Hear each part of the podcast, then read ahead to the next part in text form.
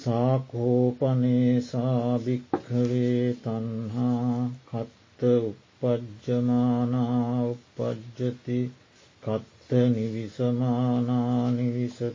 යංලෝකේ පියරූපං සාතරූපං එත්හේසා තන්හා උපජ්ජමානා උපජ්ජති එත්හ නිවිසමානානිවිසති කිංචලෝකේ පියරූපං සාතරූපංති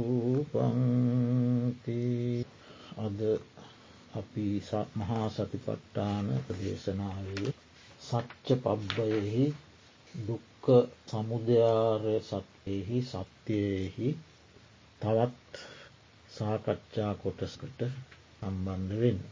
අපි පහුගිය සති දෙක තුන තුළදී දුක්ක සමුදය වූ තෘෂ්ණාව පිළිබඳ නොයෙකුත් සූත්‍ර දේශනාශ්‍රයෙන් කරුණු සාකච්ඡා කළා. අද ඒ මහා සතිපට්ටා සූත්‍ර දේශනාවේ ඒ තන්හාාව උපදින තැන් පිළිබඳව. බුදුරජාණන් වහන්සේ දේශනා කළ කරුණු ටිකයි අපි මේ සාකච්ඡා කරන්න. ඒ අපි මාතෘකා කළ පාලි පාටයෙහි සූත්‍ර පාටයෙහි සිංහල අදස මහනෙන මේ ආකාරයෙන් පවත්නා වූ තන්හාාව හටගන්නවා නම් හටගන්නේ කොහිද. අපි අර මුලින් පහුගිය සතිවල කතා කළ තන්හාාව. මේ ආකාරයෙන් අපේ සිත්තුල පවත්නා තන්හාාව හටගන්නවා නං හටගන්නේ කොහිද. ඒ වගේම ඇතුළට කාවැදී පිහිටා සිටිනවා නම් ඒ පිහිසා සිටින්නේ කොහෙද කියල ප්‍රශ්න කරලා ඉට පස්සේ බුදුරජාණන් වහන්සේ දේශනා කරනවා මහනෙන ලෝකයේ ප්‍රියස්වරූපයෙන් මිහිරිස්වරූපයෙන් පවත්නා යම් දෙයක් ඇද්ද? මේ තන්හාාව හටගන්නවා නම් හටගන්නේත් ඇතුළට කාවැදී පිහිටා සිටිනවා නම් පිහිටා සිටින්නේත් අන්න එහි. කොහෙද එතකොට ප්‍රිය මිහිරි ස්වරූපයෙන් යමක් ඇද්ද. ප්‍රියසුවරූපයෙන් මිහිරිස්වරූපයෙන් යමක් ඇද්ද ඒ තැන තමයි මේ තන්නාව හටගන්නවා හටගන්නෙත් ඇතුළට කාවැදී පිහිටා සිටිනම් පිහිටා සිටින. සුක්ක වේදනාව නෙමේ. අපි මිහිරි වසයෙන් ප්‍රිය වසයෙන් අල්ලන යමක් තියෙනවා යම් කිසි දෙයක් ප්‍රියස්වරූපයෙන් මිරිස්වරූපයෙන් අල්ලගන්නවා නං අන්න ඒ තැන තමයි මේ තන්නාවට ගන්න. තන්නාව හටගන්න තැන්න ගන්න. හටගන්නේ මේ හැම තැනම හටගන්න. අපි ප්‍රියසෝරූපයෙන් මිහිරිස්වරූපයෙන් යමක් අල්ල ගන්නවා. එතන තමයි තන්නාවට ගන්න. ඒ අවස්ථා අවස්ථාව තන්නාවට ගන්න එත. ප්‍රිය සූරූපයෙන් අල්ලනත මිහිදි සූරූපයෙන් අල්ලනත. එතන තන්නාවට ගන්න. හැම තැනම හටගන්න හටගන්නේ ප්‍රියසූරූපය මිහිරිසූරූපය අල්ලන තැන. එතන තම හටගන්න. එතන එතන තමයි ඒ හට ගැනීම තමයි ඒක තමයි ඇතුළට පිහිටා වැඩි වැඩි යන්නේ. කොටම එතනම තන්නාවට හඳුන්න දැන් ඒක ගැන ඒව මොහොතේ හටගත්තේ රූපය නැවත නැවත මතක් කරන ආය මතක් කළුත් ආයත් හටගන්න. ඒගැනද අනුෂය වශයෙන් තන්හාාව තියෙනවා. සසර ගමනේ යනකොට අපේ අනුෂය යටපත් වූ තන්හාාව තියෙනවා.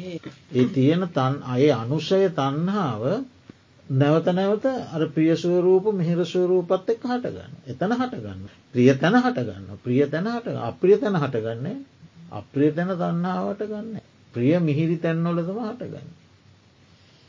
යමක් ප්‍රිය වශයෙන් අල්ලනකොට මෙතන තන්නාවට ගන්න. ඉති ඊළඟට බුදුරජාණන් වහන්සේ දේශනා කරනවා කුමක්ද මහනෙන මේ ප්‍රියස්වරූපයෙන් මිහිරිස්වරූපයෙන් යුක්ත දේ මොකක් දේදේ. අරම දේශනා කරල මේ තන්නා වටගන්නේ ප්‍රිය සහ මිහිරි ස්වරූපයෙන් යුක්ත දේ වල. කුමක්ද ඒ දෙය කියලා නැවත දේශනා කරන හටගන්න තැන් මොනවදී නෑ නෑ ඒ හටගන්න තැන් මට දෙන්න මෙතින්නේ චක්කුන් ලෝකයේ පියරූපන් සාතරූපන්. එත්තේසා තන්හා උපද්ජමානා උපද්ජති එත්හ නිවිසමානා නිවිසති. දට ඇස වනාහි මේ ලෝකයේ ප්‍රිය වූ මිහිරි වූ දෙයක්. ඔන්න එතන හටගන්න. ඇස ප්‍රියයි මිහිරි. හැමෝටම තමන්ගේ ඇස ප්‍රියයි මිහිරි. එතෝට ඇස තමයි ඔන්න තන්නා වටගන්න එක තැනක්. එතන හට ගන්න එක ප්‍රියයි මිහිරි. ඒක තමයි තැම්පත් වෙලා පවති. ඇස ඇස අන්නේ විදියට හටගන්නවා ඇස කන්න නාසය දිව කය මනස. ඒ හයහිම හටගන්න සලාය අජ්ජත්තික ආයතන. අජ්ජත්තික ආයතන හයෙහි හටගන්න. එතෝට තමන්ගේ ඇස පිළිබඳ එක මමත්වයක් තියෙනවන මගේ ඇස කියන. මගේ ඇස යනුවෙන් මගේ කණ යනුවෙන් මගේ නාසය යනුවෙන් මගේ දිව යනුවෙන් මගේ කය යනුවෙන් මගේ මනස යනුවෙන් එහිට තියෙන බැඳීමක්. ඒව පස්සේනවා. එකක් නෙමේ මෙතන තැන් හැටක් බුදු හාමුදුරු දේශන. තන්නාව හටගන්න ඇතුළට බැස පවතින තැන් හැටක්. ඒ හැටෙන් හයක් තමයි මේ ඇස කණනාසේ දිවකයම. ඒක මිහිර ඒක ආස්වාදය ඒක රසය ඒක ප්‍රිය බව ඒත් එක්ක බැඳිලා මේක හටගන්න. ඔන්න එතන තැන් හයයි තුුණ ඒ හය මතක තියගන්න අජ්ජත්තික ආයතන හය. ඊළඟට මේ තන්නාවට ගන්නවා රූප සබ්ද ගන්ධ රස පොට්හබ්බ දම්ම. ඔය තියන්න යටින් රූපාලෝකා පියරූපන් සාතරූපා ඒ ඒ චේදයෙන් පටන් ගන්නේ බාහිරායතනයි. එක් එක් චේදවලින් හටග පටන් ගන්න. ඔන්න දැම් බාහිරායතන හය තුළත් හටගන්න. තැඟතවට ඔන්න දොළොස් පලක තන්හාාව හටගන්න.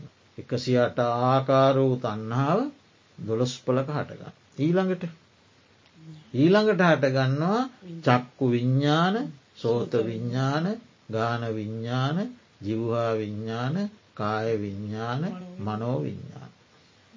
එතකොට අජ්ජත්තික ආයතන හයයි බාහිරායතන හයයි විඤ්ඥාන හයයි. විඤ්ඥාන හයමුත් හටගන්න. එති ගැන අරමුණක් දැනගන්න දැනගත්තම ඒ අරමුණ ප්‍රියණන් සාත රූපනම් එකන ප්‍රියණං මිහිරිනම් ටක්ගාල එතන හටගත්තා.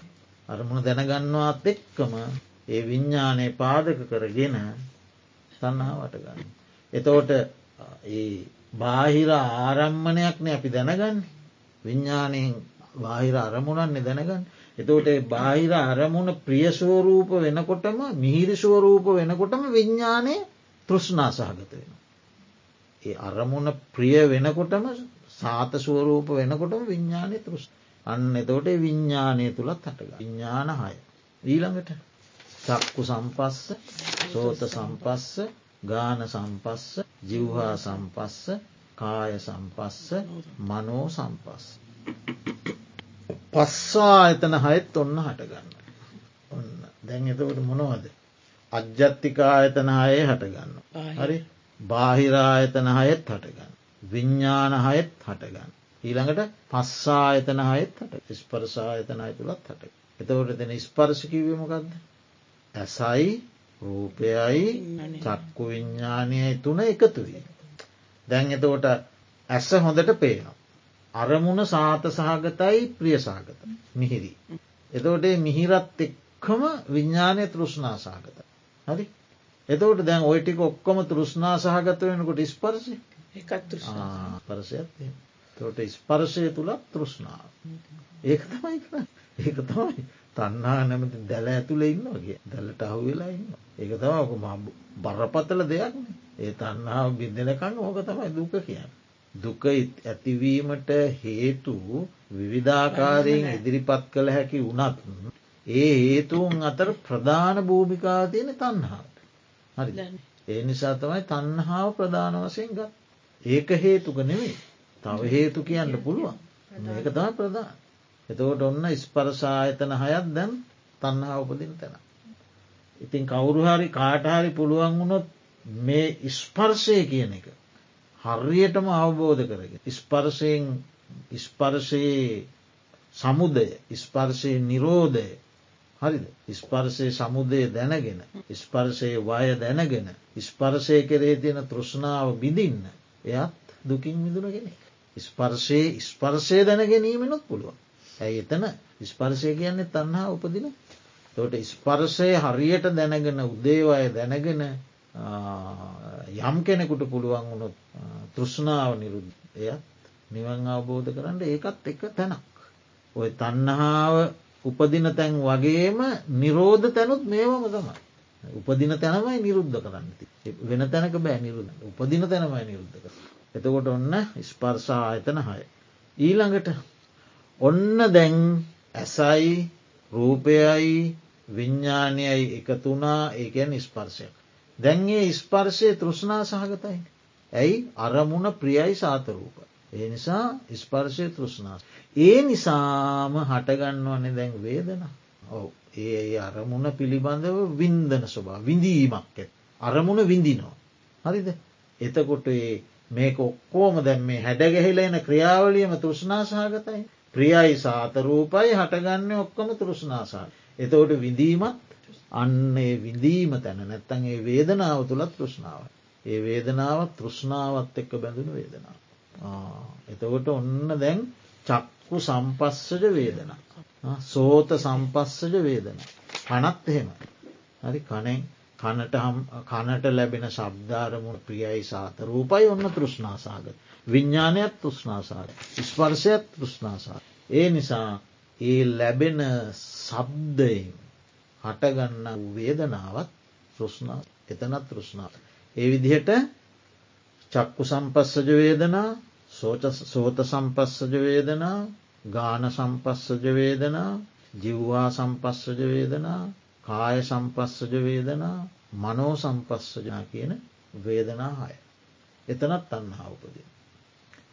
ඊළඟට රූප සංඥා සද්ධ සංඥා ගන්ධ සංඥා රස සංඥා පොට්ටබ්බ සංඥා හඳුනාගන්නා රූපය හඳුනාගන්නා ශබ්ද හඳුනාගන්නා ගන් හඳුනාගන්නා රසය හඳුනාගන්නා ස්පර්ශය හඳුනාගන්නා සංඥා. මේ විඳීමට පස්සේ විඳීමට පස්සේ වේදනා සංඥා.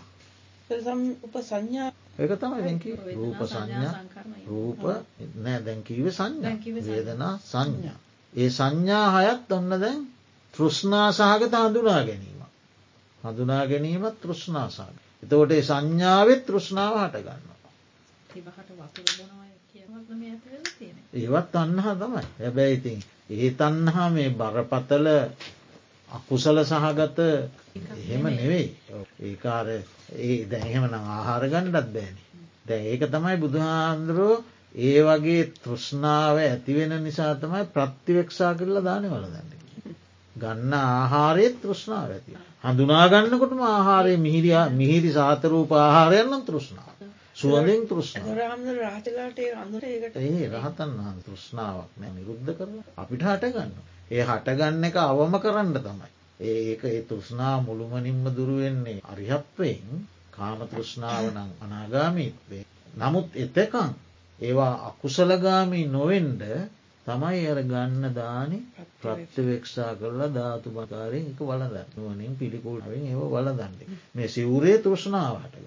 ප්‍රිය රූපනන් සාතරූපනන් සිවර තෘෂ්ණා ඉට මට හොඳ සිවරක් ලැබුණ කියලා මාන්නය. මට මෙන් අනිකාට සිවරක් ම ඒගොල්ලොන්ට හම්බෙන් නෑ කියලා ඒගොල්ලො පහත් කොට සැලකීමේ පරවම්බනය. මට හොඳ සිවරක් හම්බොනා කියලා අත්තුක්කන්සනය මාන්‍යය ඇති උඩගු බව. මේක කෙලෙස් හටගන්න ගොඩක්වේ. ඒ නිසා මේක ප්‍රත්්‍යයක්ෂක් දැන් ඔය ගිහි ජීවිතයක් ගත කරන ප්‍රත්්‍යවක්ෂක් ගියටවත් කරන්නේ නෑ දුන්ගෙන මුන්න තරන් තෘෂ්නාද ඔය ජීවත්වන කාල සීමාවතු ඇතිවෙනවා. තන්හා ගොඩක් තමයි. ඊට පස්සේ ඒ වගේ අයුතු පරියේෂණයට යනවන. හොඳ ආහාර ලැබෙන් නෑ කියමුක අපි හොඳ ආහාර ලැබෙන්නේ. නමුත් දැන් ආහාරයේ තෘෂ්ණාවතිය. ඒ නිසා හොඳ ආහාර සොයමින් නොගැලපෙන ක්‍රියාවට. අධර්ම ක්‍රියාවලට ඒ යන්නේ ආහාර තෘෂ්ණාව.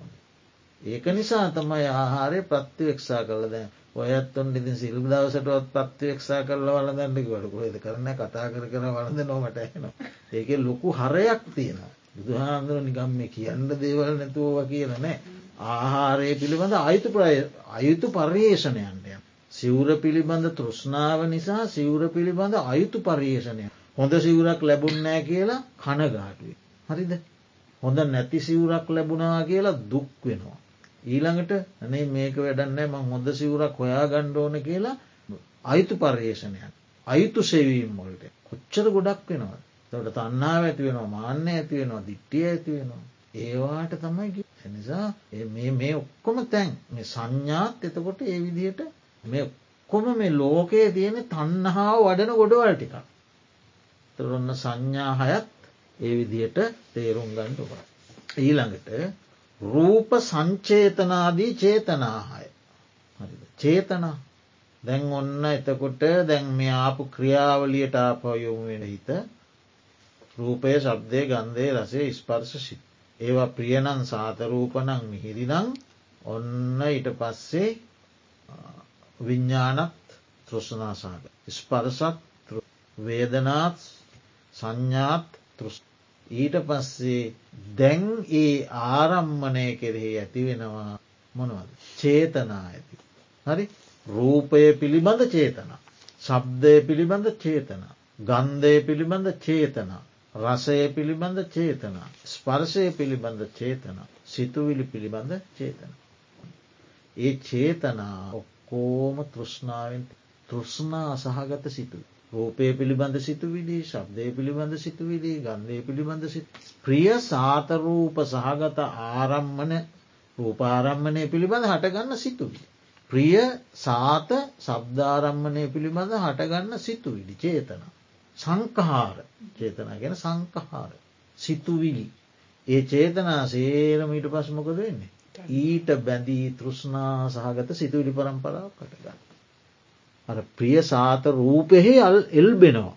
විඤ්ඥානය එල්බිලා වේදනා සංඥාදී උපදවමින් ඔන්න ඒ ඒ ආශ්‍රිත ඊට සාපේක්ෂ තෘෂ්නාසාගත චේතනා පල්.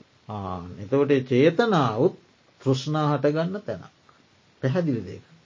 කවුරු ගැනද මේ කියන්න අපේ අපේ ජීවිතය ගැන මේ කියල දෙන්න චේතනා. ඊළඟට රූප තන්නාදී තන්නාහාය එසේ කියද්දිත් නැවත තන්හාවත් අයරං කිය. නැවත නැවතත් ඒ හටගන්නා තන්හා කෙරෙහි නැවත නැවත තන්හා ඇති. චේතනා හයත් ඇති වෙනවා තන්හා හයත් තන්හා ඇති. ඔවු ඒ හටගන්නා තන්හාාව කෙරෙහිම නැවත තන්නාට එල්බීගනින්. එතොට තන්හාවත් තන්නාවාට ගන්න.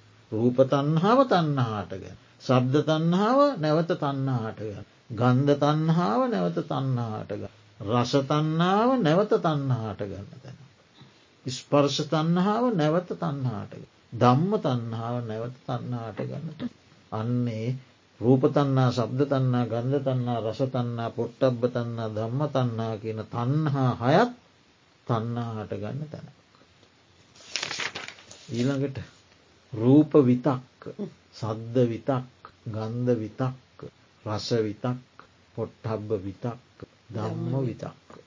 එකයන්නේ ඒ අරමුණට ඒ ප්‍රිය සාත මිහිරි අරමුණට සිත නංවලා ඒ අරමුණෙහිම නැවත නැවත හිස හසුරුවන විතර්ක කරන. එතවට විතර්ක ඔක්කොම අර තෘෂ්ණාවට සාපේක්ෂෝ තමයි ගලාගෙන. තන්නහා සහගත විතර්ක.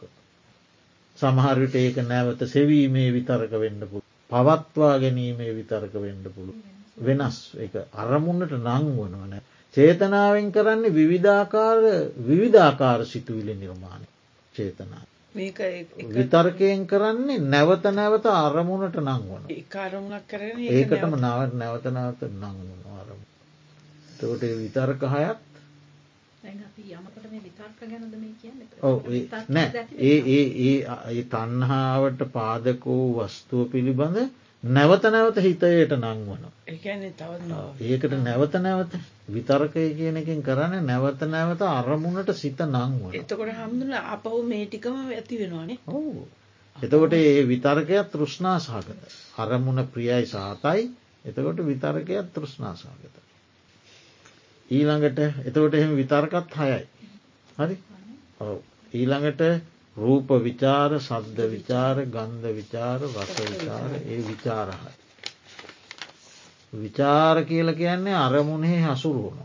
අරත විතක්කයෙන් අරමුණට නංවනෝ විචාරයෙන් අරමුණේ හස් නික විමසනවා කියල කියන්නේ. විචාරාත්මක කියන වචනය අපි නිතර පාවිච්චි කරන්න. නොයෙක් නොයෙක් ආකාරයෙන් සලකා බලන ස්වරූ අරමුණ අරමුණෙහි හිත බැසගෙන විවිධාකාරයෙන් තෘෂ්ණාසා එතකොට විචාර කරන්නෙම තෘෂ්ණාසාගත. තෘෂ්ණා සහගත විචාර. රූපය පිළිබඳ විචාරයක්. විමසනවා. ශබ්දය පිළිබඳ විමසනවා. ගන්ධය පිළිබඳ විමසන. ඔක්කොම තෘෂ්ණා සහගතයි. තුට ධ්‍යානවලත් තියෙනවන විතක්ක විච. ධ්‍යානවලදිත් කරන්නේ කුසල එක. කුසල ධ්‍යාන අරමුණට හිත නංගොනොවිත්.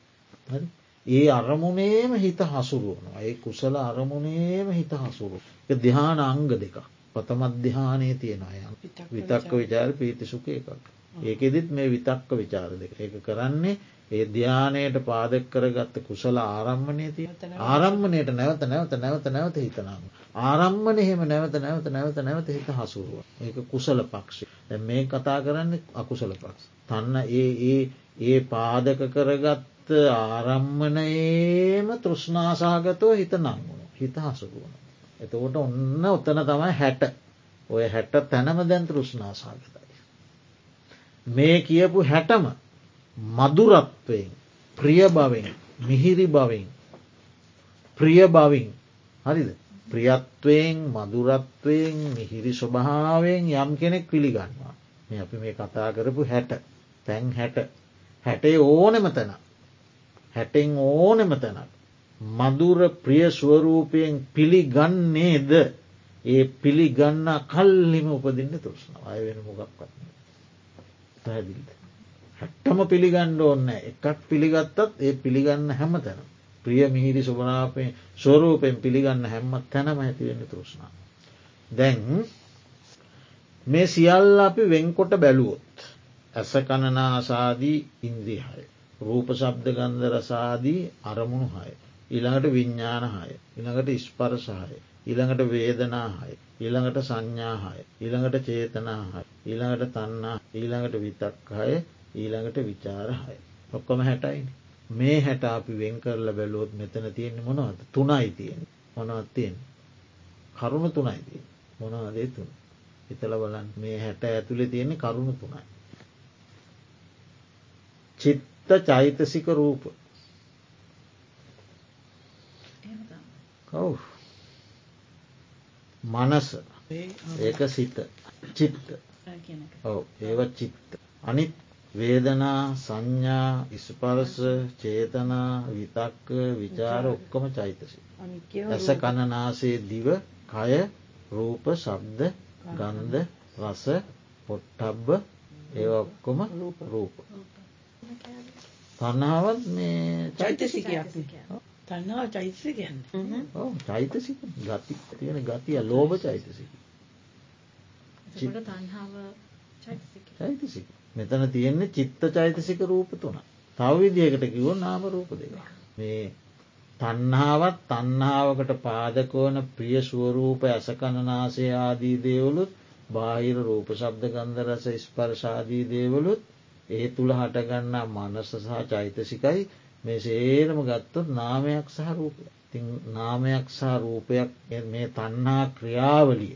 ක්‍රියාවලිය තුළ සිද්ධ වෙනවා මේ කාරණා හැටක් නිදැන් අපි කතා කරේ. මේ කාරණා හැටම නාමරූප වසයෙන් විමර්ශනය කරල විදර්ශනා කරන්න සමත් වනොත් සමත් වෙලා විදර්ශනාවේදී එකේ උදේවය නැක්කොත් හරි එයා ඒ උදේවයෙන් අතර නොවී බංග බයතු පට්ටානා විද පා මෙහෙමනාවන්නේද මාව සංසාරය ඇරගෙනලේකට බයක් උපදවා ගත්තොත් මේ තන්නාවේ ආදීනව දැක්කොත් උදයව්විය දැකලා හරි නාමරූප වසයෙන් වෙන් කරගෙන උරුවිය දැකලා මේක බංගයක් දැකලා ළඟට බය ආදීන හාම මේකින් මිදෙන්ඩෝන මිදෙනු කැමති ඇති කරගෙන තව තවත් නිරූප චිත්තචෛතසික රූප හෝ නාරූප ධර්ම දෙක අනිත්‍යාදී වසයෙන් විමර්ශනය කළොත් ඒකම නිවන්ම.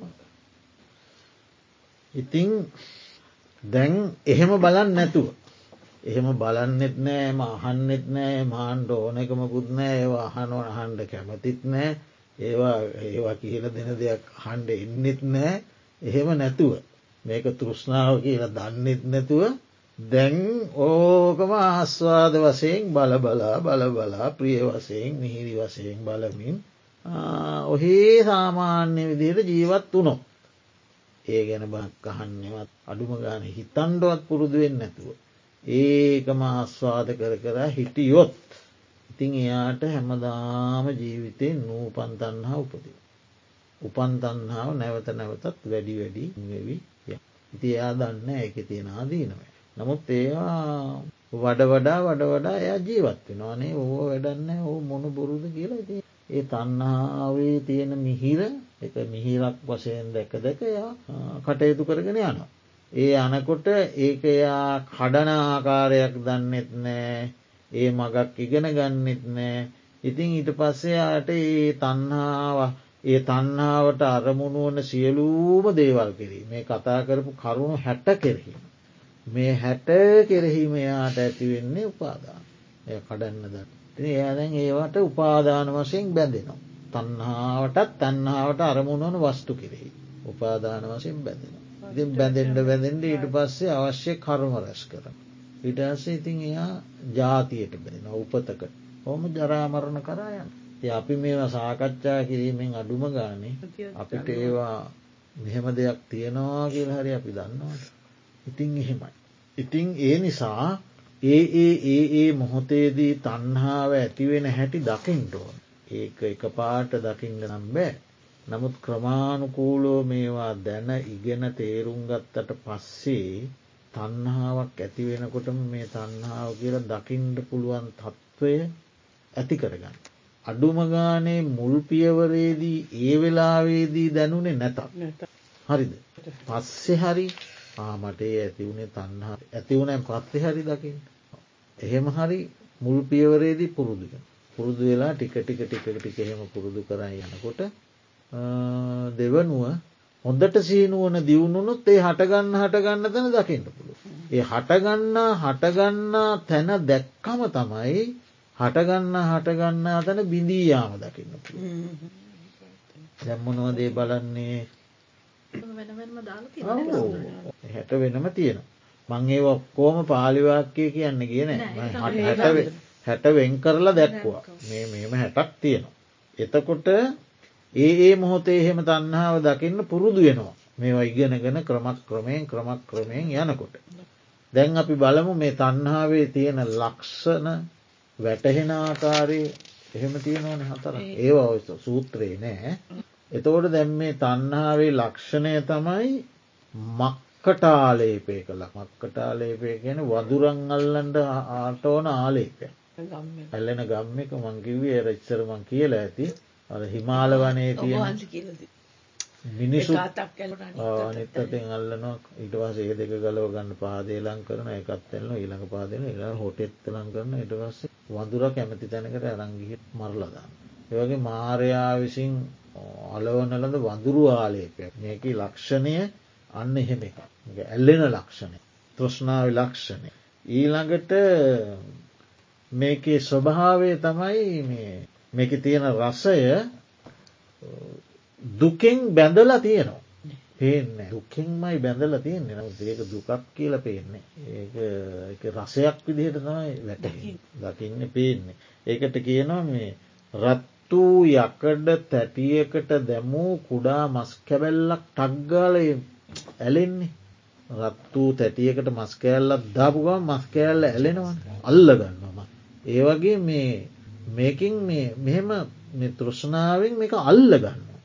අල්ලගන්න නිසා මේක දුකක් තිබුණට අර ඒ ඇල්ම නිසා එක දුකක් කියන එක නෙමේ තේරෙන්නේ. වහල වහ මේකට ඇල්ලෙන ස්වභාව අල්ලගන්න මස් කැබැල්ලව. ස්වභාවය එක තම මේක තියෙන රසය. ඊළඟට මේක තියෙන වැටහීම දුකෙන් මිදීමට ඉඩ නොදෙන බව. දුකෙන් මිදෙන්ට ඉඩ දෙන්න. එකන නිවන්දකින්ට ඉඩ දෙන්න මේ ඒක කැමති නෑහෙමට. ඉඩ දෙන්නෑ හරියට එකට උපමාවක් කියනවා තෙල්සායමක් මෙන් ඉවත් කරන්නම. තෙල්සායමක් ගෑවුණා වස්ත්‍රය ඒ වස්ත්‍රයෙන් ඒ තෙල්සායම ඉවත් කරන්න බොහොම. ඒවගේ මේ ඇල්ලුන ස්වභාවය ඇතිවුණාම ඉවත් කිරීම පහසු. අන්න ඒ වගේ මේක දුකෙන් මිදෙන්ට ඉඩ දෙන්න. ළඟට මේක තියෙන ආසන්නම කාරණය තෘෂ්ණාව තේරුම් ගන්න තියෙන ආසන්නම කාරණය ෘෂ්ණාවට තියෙන ළඟම ළඟම කාරණය තමයි ඇලෙන අරමුණෙහි ආස්වාදයමයි දකින්න. යම් අරමුණක හිත ඇලුනම ඒ ඇලුන අරමුණේ ආදීනවයක් පේන්නේ. ආස්වාද පැත්තම මතු කරලා පෙන්න්න. ඔන්න හොම හතරක් තියෙනවා. ඒ ඒ ධර්මතාවයන්නේ ස්වභාවය තෘෂ්ණාවේ ස්වභාවේ තර ප්‍රපතල දෙයක් තමයි ආස්වාදයන්ගේ ස්වභාවේ. ඔවු එක තම තෙල්සායමක් වගේ ගලවන්න අමාරු. ගලවන්ඩ අමාරු අපි දන්නවා මේක හොඳ නෑ තන්නාව දැනගත්තට ගලවන්න අමාරු. තෙල්සායමක් ඇල්ලුවාගේ අල්ලලා. ඉතිං ඔන්න ඔය කියන ලද හැට තැන්හි ඇතිවෙන මේ තෘෂ්ණාව නිසා. ලෝකය තුළ සන්තානගත දුක ඇතිවේ. ඒ කියන්න අපි භවයෙන් භවයට භවය හොයට සැරිසරමින් අප්‍රමාණ වූ නිරය තිරිසං ප්‍රේත අසුර දිවිය මනුෂ්‍යාදී බව සකස් කර දෙමින් නැවත නැවත නැවත නැවතන් නැවත නැවතත් පුද්ගලය සසරහි බැඳ තබ.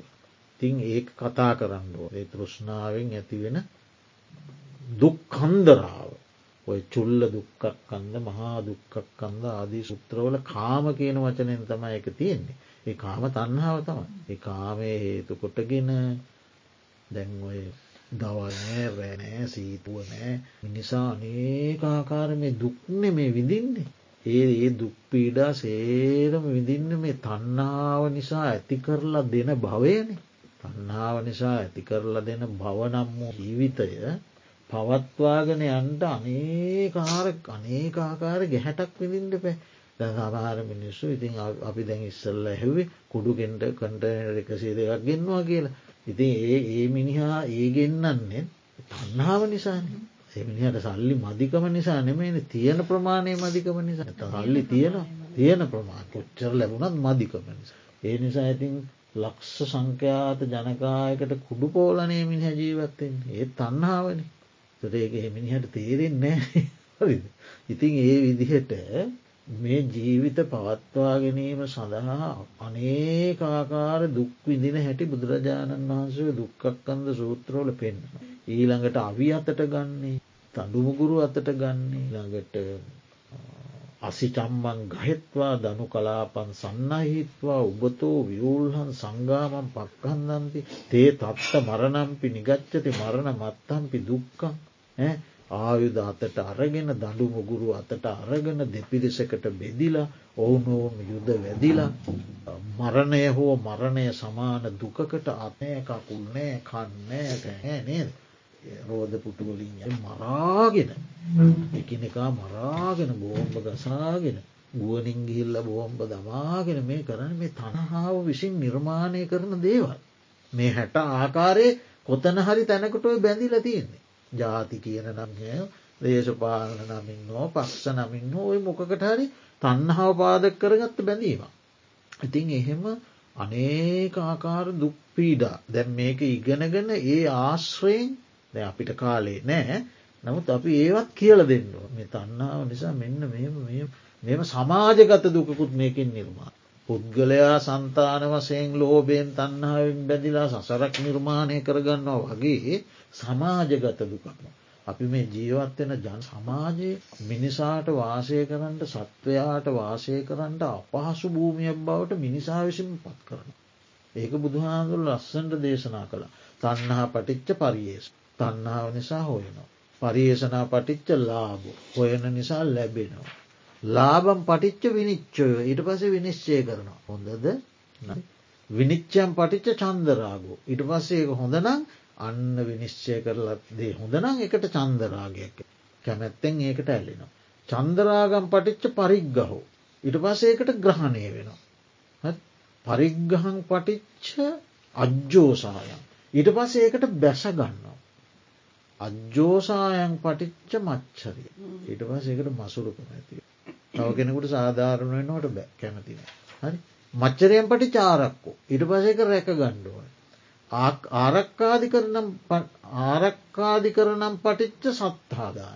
ඉට පසේක රැකගණ්ඩන සත් සැත් අතට ගන්න. අවි අතට.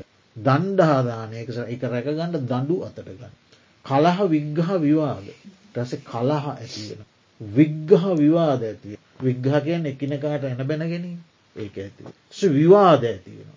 කලහ විග්ගා විවාද පේසුන්න මුසාවාදා. ඉටවසේ දැ මේක රැකගණ්ඩ ඕනකම නිසා කේලම ඇතිවෙන බොරු කියන්නත් වෙන. අනේකා පාපකා අකුසල දම්මා සම්බලති. අනේකාකාර වූ පාපක වූ අකුසල ධර්ම සමාජය තුළ පැතිරෙනවා. හරි ඒකට මිනිසුත් පොළබව ගන්න. තමන්ගේ මතයට මිනිසුත් පොළොම ශ්‍රී ලාංකාදීපය අපි බෞද්ධ රටැක්කිවට ඕක තම මේ අස්සර තියෙන්නේ. අපි කියන අපේ හාමුදුරුරුත් ඉන්න තිස්දාහක් විතර.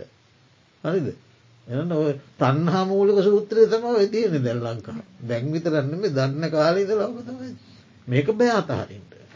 ඒක විනිශ්චය කල්ල බංගවට මේක හොඳ දෙයක් හොඳ නැද වාහන පෝමික් ලැබෙනවා.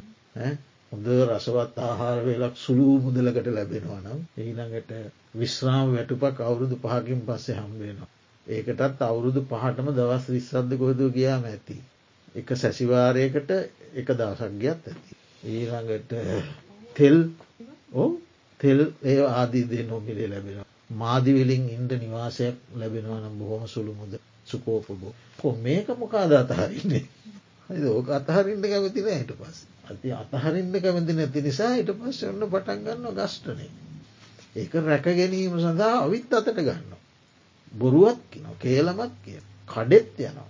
කරන්න ඕන ඒරම කියන තන්හා මූලික සූත්‍රතිය ඔ බුදුහාන්දුව දේශනාව අංගුත්තර නිකාය නවක නිපා තැනක් පෙන්න්න නම් ඔන්නගෙන. ඕක කියන්න බැරි වුණයි තවදවසක් කියන්න. ඉතිං ඕවා ඕක බුදුහාන්දුරුව දේශනා කළේ මේ රෝහිණී නදියට නදයේ ජලයට සාක්‍යය වන්සිකය කෝලී වන්සිකය යුද්ධ කරන තැන්ට ගිහිල අන්නා නිසා යුද්ධ ඇතිවෙන එදාට විතරද ගැල පෙන්නතුව අදටත් එකසේ. ඉතින් ඒව මිනිස් මනසේ ස්වභාවයන් ඒකට උගත් නූගත් කන්නේ හරිද. ඒකට තන්නාවේ වසගේට පත් වනාම මසුරුකම ඇති වුණාම ඕනෑ මිනිහෙක් ඒකට යට වෙනවා. ඒ නිසා තමයි සමාජයකට උවමනා කරන්න නීතියක්. මිනිසා ස්වයංම පාලනය නොවන නිසා. හොඳම දේ ස්වයංව පාලනය වීම. ඒක වෙනවාය කියලා අපිට ස්තීරව අදහසක් දෙන්න බෑ. තෘෂ්ණාව ඒ තරම් බරපතල දෙයක්. බෝසතාණන් වහන්සේලා පවා තෘෂ්ණාවේ වසගේකට පත් වනානම් ඔබ මාගෙන කවර කතාද. බෝධිසත්ව දහම් පුරණ බෝසතාණන් වහන්සේලත් එහි වසඟ වුණ.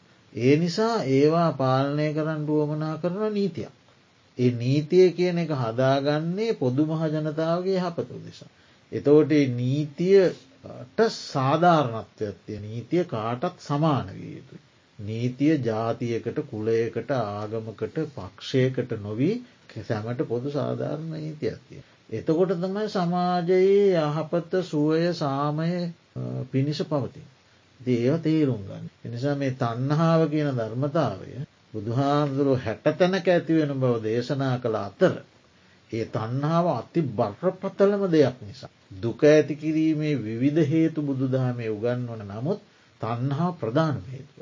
තන්හාාව කැඩුවොත් අනිත් හේතු ඔක්කොම කැඩිලයනවා. හරි. තන්නහාාව නොකඩා අනිත්තේතු කැඩුවට සම්පූර්ණයෙන් කැඩෙන්නේ. නම තන්හා ප්‍රධාන. එතවට ඒක තේරුම් ගණ්ඩෝනේ තන්නාවේ ආදීනෝපක්ෂව තන්නාවෙන් ඇතිවෙන්න විපත් ඒව සමාජමය වශයෙන් තේරුම් ගන්න ඕන පුද්ගලයකුට ඇතිවෙන විපත් තේරුම් ගන්න දෙකොට ඒක සමාජමය වශයෙන් එවැනි විපතක් ඇතිවෙනවනං ඒක අවම කිරීමට ගතයුතු ක්‍රියාමාර්ග මොනවද තේරුම් ගන්න?